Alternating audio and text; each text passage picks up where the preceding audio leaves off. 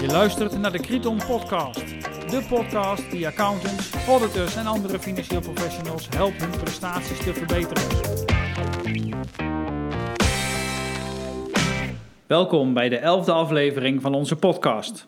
Deze aflevering staat in het teken van de kennistoets 2022. In de vergadering van de NBA van 9 november 2021 heeft het NBA-bestuur besloten dat in 22, 2022, sorry, net als in 2019, verplicht de kennistoets met een goed gevolg afgelegd moet worden.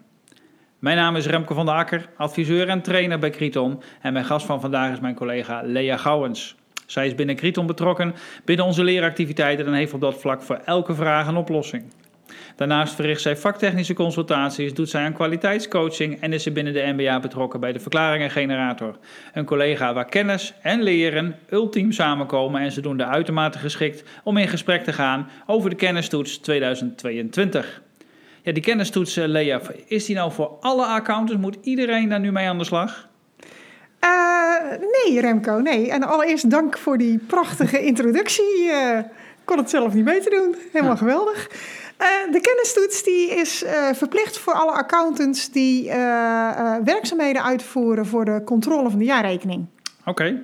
En dat zijn dus openbare accountants. we kunnen ook interne accountants zijn en overheidsaccountants. Mm -hmm. Waarbij dan voor de interne accountants eigenlijk alleen geldt dat de verplichting er is als hun werkzaamheden door een externe accountant worden gebruikt bij de controle van de jaarrekening. Oké. Okay. En, waarom uh, moeten de samenstellende accountants bijvoorbeeld uh, niet hier, uh, hiermee aan de slag?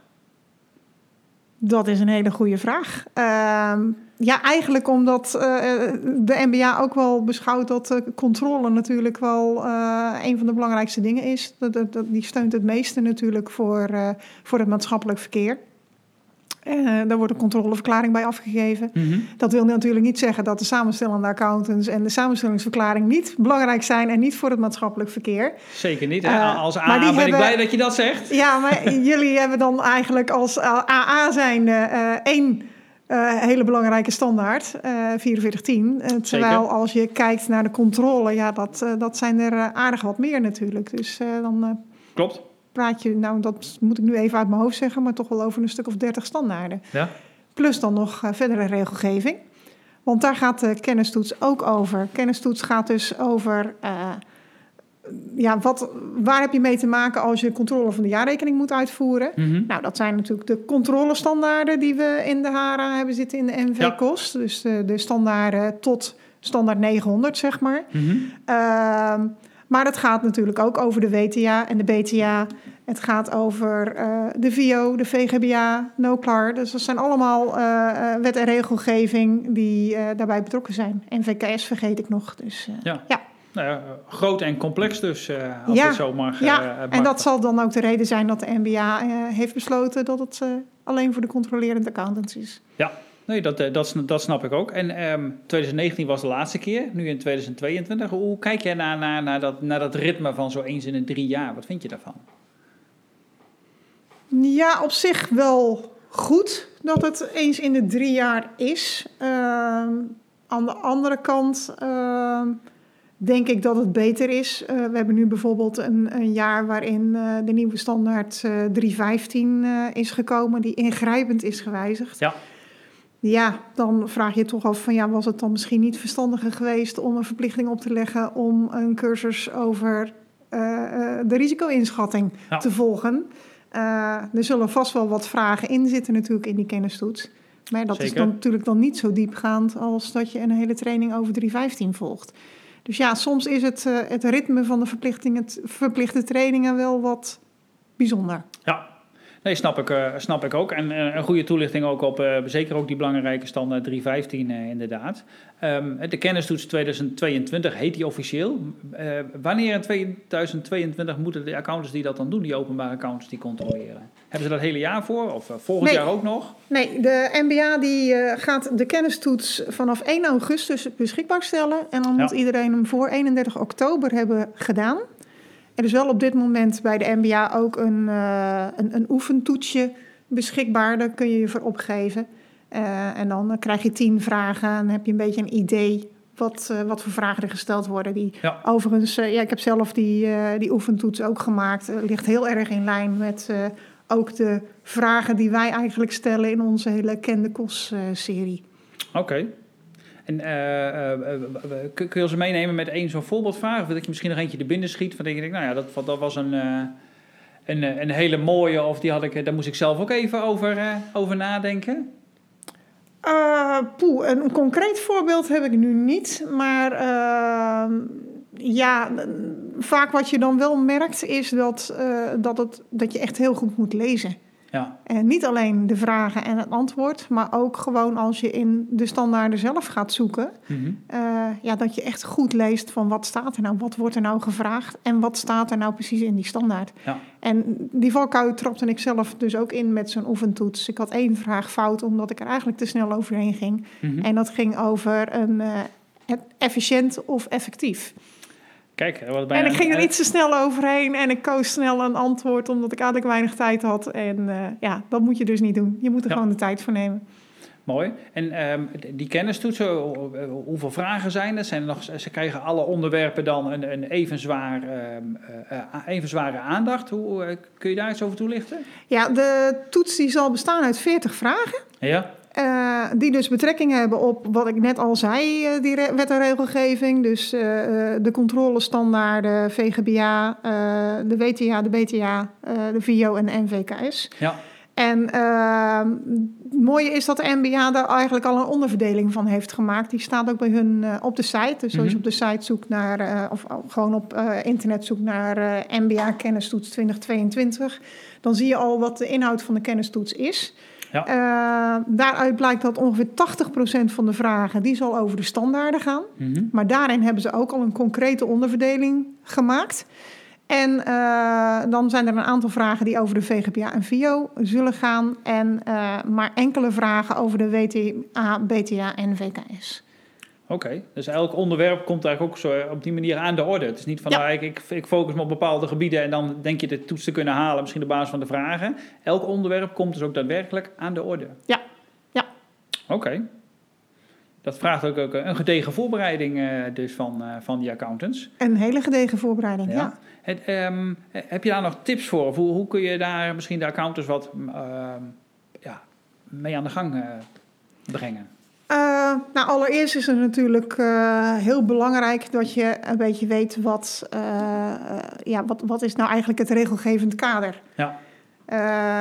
Want als je kijkt naar het regelgevend kader, dan hebben we natuurlijk regelgeving die komt voort vanuit de IFAC, de International Federation of Accountants. Dus Mhm. de, de, noem maar even de wereldwijde beroepsorganisatie. Daar is de NBA lid van en de NBA die, eh, moet die regelgeving ook in Nederland implementeren. Dus die Mhm. vertaalt die regelgeving. En eh, ja, eigenlijk is de regelgeving die we dus hier dan in Nederland hebben, van daaruit eh, gewoon een kopie. Eh. Hooguit hier en daar eh Nederlands-specifieke toevoeging. En eh, daarnaast hebben we natuurlijk ook de regelgeving die vanuit de overheid komt. Dus eh, eh, ja, de wet op de accountantsberoep bijvoorbeeld komt voort uit de overheid, maar dus ook de WTA en de BTA. Mhm. Dus weet even hoe dat, het regelgevend kader precies in elkaar zit. En als je dan vanuit de MBA kijkt, dan hebben we natuurlijk verordeningen, we hebben nadere voorschriften en we hebben handreikingen en alerts. Ja, weet ook wat daar de weging in is. Dus dat is eigenlijk al eh, heel belangrijk. Eh, maar vooral voor deze kennistoets eh, is het vooral belangrijk dat je ook weet hoe dat de HRA in elkaar zit. Want ja, daar zit eigenlijk alles in. Ja, En als je dan naar de HRA kijkt, dan kun je hem eigenlijk opsplitsen in drie soorten regelgeving. Je hebt Mhm. regelgeving die betrekking heeft op de organisaties, regelgeving voor de individuele accountant en regelgeving voor de beroepsproducten. En daar kan het eigenlijk eh, allemaal wel over gaan. Maar als je dan kijkt over regelgeving organisaties, daar zit dus de WTA en de BTA in. Dat, Ja. dat gaat expliciet over van ja, wat moet accountantsorganisatie nu eigenlijk ingeregeld hebben. Eh, de regelgeving voor de individuele accountants, ja, daar zit de VGBA dan natuurlijk weer in. En de VIO eigenlijk ook. En als we dan kijken naar eh, de beroepsproducten, dat zijn eigenlijk alle controlestandaarden die daar weer onder vallen. Ja. Dus eh, ja, en als je het dan hebt over de controlestandaarden, eh, waar natuurlijk 80% van de kennistoets over gaat, ja, is het ook handig als je weet hoe is de structuur nou eigenlijk van de controlestandaarden? Pardon. Je hebt natuurlijk uh, uh, meerdere rubrieken. Mm -hmm. uh, en elke rubriek staat eigenlijk wel voor een bepaald onderwerp. Dus als je bijvoorbeeld de eerste rubriek kijkt, de rubriek van 2 tot 300, dat zijn de algemene uitgangspunten en verantwoordelijkheden. ja, daar zie, zie, je dus ook echt de algemene zaken. Dus de, de zaken over de opdrachtvoorwaarden, de controledocumentatie, fraude, naleving van wet en regelgeving. is natuurlijk wel iets heel expliciets, maar het gaat over heel je opdracht heen. Ja. Dus dat vind je dan in de rubriek 200. In de rubriek 300, uh, die gaat eigenlijk meer over de planning en de afronding van de opdracht. Mm -hmm. En ja, de belangrijkste rubriek is natuurlijk 500. Daar zit heel de uitvoering van de controleopdracht in. Dus uh, onderverdeeld in diverse standaarden. Uh, rubriek 600 gaat over het gebruik maken van werkzaamheden van anderen. Ja. Rubriek 700 over de rapportage. En rubriek 800 als je een bijzondere controleopdracht hebt. Want dat kan natuurlijk ook nog. Uh, nou, noemt de MBA wel de kennistoets gaat over controle van de jaarrekening. Uh, maar er zullen ook vragen uit de rubriek 800 komen. Dus eigenlijk gaat het gewoon over de controlewerkzaamheden. Precies. Ja, breder en mooi ook die kapstok inderdaad, zoals je hem opnoemde, hè, van auto-organisatie, individu en beroepsproduct. En waarschijnlijk weten de accountants wel. Hè, of het is belangrijk om er nog, nog een keer weer bewust van te zijn. En van ja, waar, ben ik mee bezig? Wat doe ik? En in welke regelgevend kader ik uh, ja, daarmee ja, bezig Ja. Dus die kapstok is al heel belangrijk. Dat je dus inderdaad weet wat het regelgevend kader is. Uh, ja. ja. dat maakt het al wel makkelijker natuurlijk om tot een antwoord op een vraag te komen. Ja. Nou, je hebt het vooral dan over, die, over de HRA en ook hè, de, de, de verschillende uh, standaarden. Mag je de HRA er ook dan bijhouden als deze kennistoets uh, dan gaat doen? Of hoe, hoe, werkt dat precies? Jazeker. Het is een zogenaamd open boek examen, zeg maar. Ja. Dus uh, nee, je mag het gewoon erbij houden. Dus ja. ja. Ja. Het voelt eigenlijk een beetje als een soort uh, tentamen belastingrecht van omzetbelasting. Je hebt eigenlijk antwoorden, alle antwoorden heb je al bij je, zitten in het boek. Alleen de vraag is, kun je hem ook op de juiste, uh, juiste antwoord erbij zoeken en ook binnen de juiste tijd ja, ja, ja, na, natuurlijk. Ja, precies. Um, nou, mooi, mooi om op die manier ook daarmee, daarmee dan aan de slag te gaan. Um, het, het is natuurlijk onderdeel van, van verplicht leren hè, vanuit het bestuur voor alle openbare accountants rondom de jaarrekening. Um, zijn er ook nog vrijstellingen? Mensen, hè, mensen die dat niet hoeven mee te doen, of dat het nog niet mee hoeft te doen, of niet in je PE-portfolio? Wil je daar iets, uh, daar iets over toelichten? Ja, uh, wat al voortkomt uit de regelgeving is dat eigenlijk uh, de kennistoets op zich niet meetelt in je PE-verantwoording. Ja. Dus dat, dat telt niet mee als permanente educatie. Uh, maar wat de MBA wel aangeeft, is als je je moet voorbereiden op die kennistoets, ja, dan ga je natuurlijk wel echt leren. Mm -hmm. uh, die voorbereiding die mag je wel meenemen in je PE-educatie. Uh, dat betekent dat je de voorbereiding dus wel in je PE-portfolio kunt verantwoorden, maar de kennistoets zelf eigenlijk niet. Oké, okay, dus eigenlijk het voorbereiden is een van de leeractiviteiten die je dan kunt meenemen. Ja. Ja. Okay. En als je dan kijkt, ja, in principe is die dus voor iedereen die uh, controlewerkzaamheden uh, verricht. Uh, overigens in 2022 en 2023. Dat is wat er nog extra bij staat. Ja. Dus als je net gestopt bent ermee in 2021, ja, dan hoef je weer niet verplicht te volgen. dus die moeten hem allemaal verplicht volgen. Mm -hmm. Mocht je nou in 2022 zijn afgestudeerd, dus je wordt nu pas ingeschreven in het register, dan ben je ook nog niet verplicht om hem te volgen. Mag natuurlijk wel, ja. maar is niet verplicht. Nou, dank, dank, dank je wel. Goede toelichting. En zeker ook net, mag wel. Hè. Het is natuurlijk ook belangrijk om met kennis bezig te zijn vanuit je rol als, uh, ja. uh, als accountant. Ja, absoluut. Houd er wel rekening mee dat uh, de MBA er wel een bedrag voor rekent. Okay. Er zijn wel kosten aan verbonden aan de kennistoets. Dus, ja. uh, dus als je een vrijwillig wil doen, uh, ja, dan uh, moet je dat wel even weten. Het kost 105 euro per persoon. Kijk, niet onbelangrijk om ook even de financiële kant goed ja. mee te nemen in al die, in al die keuzes. Um, heb jij het misschien in die voorbereiding op die toets, hè, want je noemde net, hè, de voorbereiding mag je meenemen in je P-portfolio. Heb je daar nog tips en trucs om, om tot een goede voorbereiding te komen? Om die slagingskans te vergroten? Ja, uh, buiten de tips die ik nou net al noemde natuurlijk. Ja, uh, ja wij hebben bij Kriton... Uh, ja, ik hou me heel veel bezig met, met e-learnings maken. En daar hebben we ook een klankbordgroep voor. en ja, wij hebben eigenlijk al in een vroeg stadium bij die klankbordgroep ook nagevraagd... ja, waar heb je nou eigenlijk behoefte aan als je je zou moeten voorbereiden op zoiets. en, en, dat zijn ook mensen die bij ons bijvoorbeeld de kende kosttrainingen volgen of de e-learnings over de kost. En uh, die gaven aan van ja, we hebben soms eigenlijk wel moeite van ja, waar moet je nou eigenlijk zoeken? Ja. In de standaarden. Dus, dus ja, dat, dat is inderdaad iets wat, waar, waar heel veel mensen moeite mee hebben. Dus nou, daar zijn wij nu zelf ook mee bezig geweest. We hebben nu ook een eh, e-learning gemaakt voor de voorbereiding kennistoets. Die zich eigenlijk focust op hoe moet je nou eigenlijk zoeken. Oh. En ja, een van de dingen bijvoorbeeld is al, uh, als jij iets moet opzoeken, Remco, pak jij dan de digitale versie, dus op internet? Pak jij de papieren versie of pak jij de app? Ik zou denk ik toch voor de digitale versie uh, gaan. Oké, en waarom zou jij dat doen? Nou, voor mijn gevoel kan ik sneller en makkelijker zoeken in een digitale versie eh, eh, met de browser dan misschien wel op, op papier. Ja. Maar dat is meer even hoe, wat ik prettig vind. Ja, nee, precies. Nou ja, dat is ook wat wij inderdaad adviseren van gebruik die digitale versie. Ja, okay. de app, ja, daar kun je wat lastiger in zoeken. Die is wat beperkter.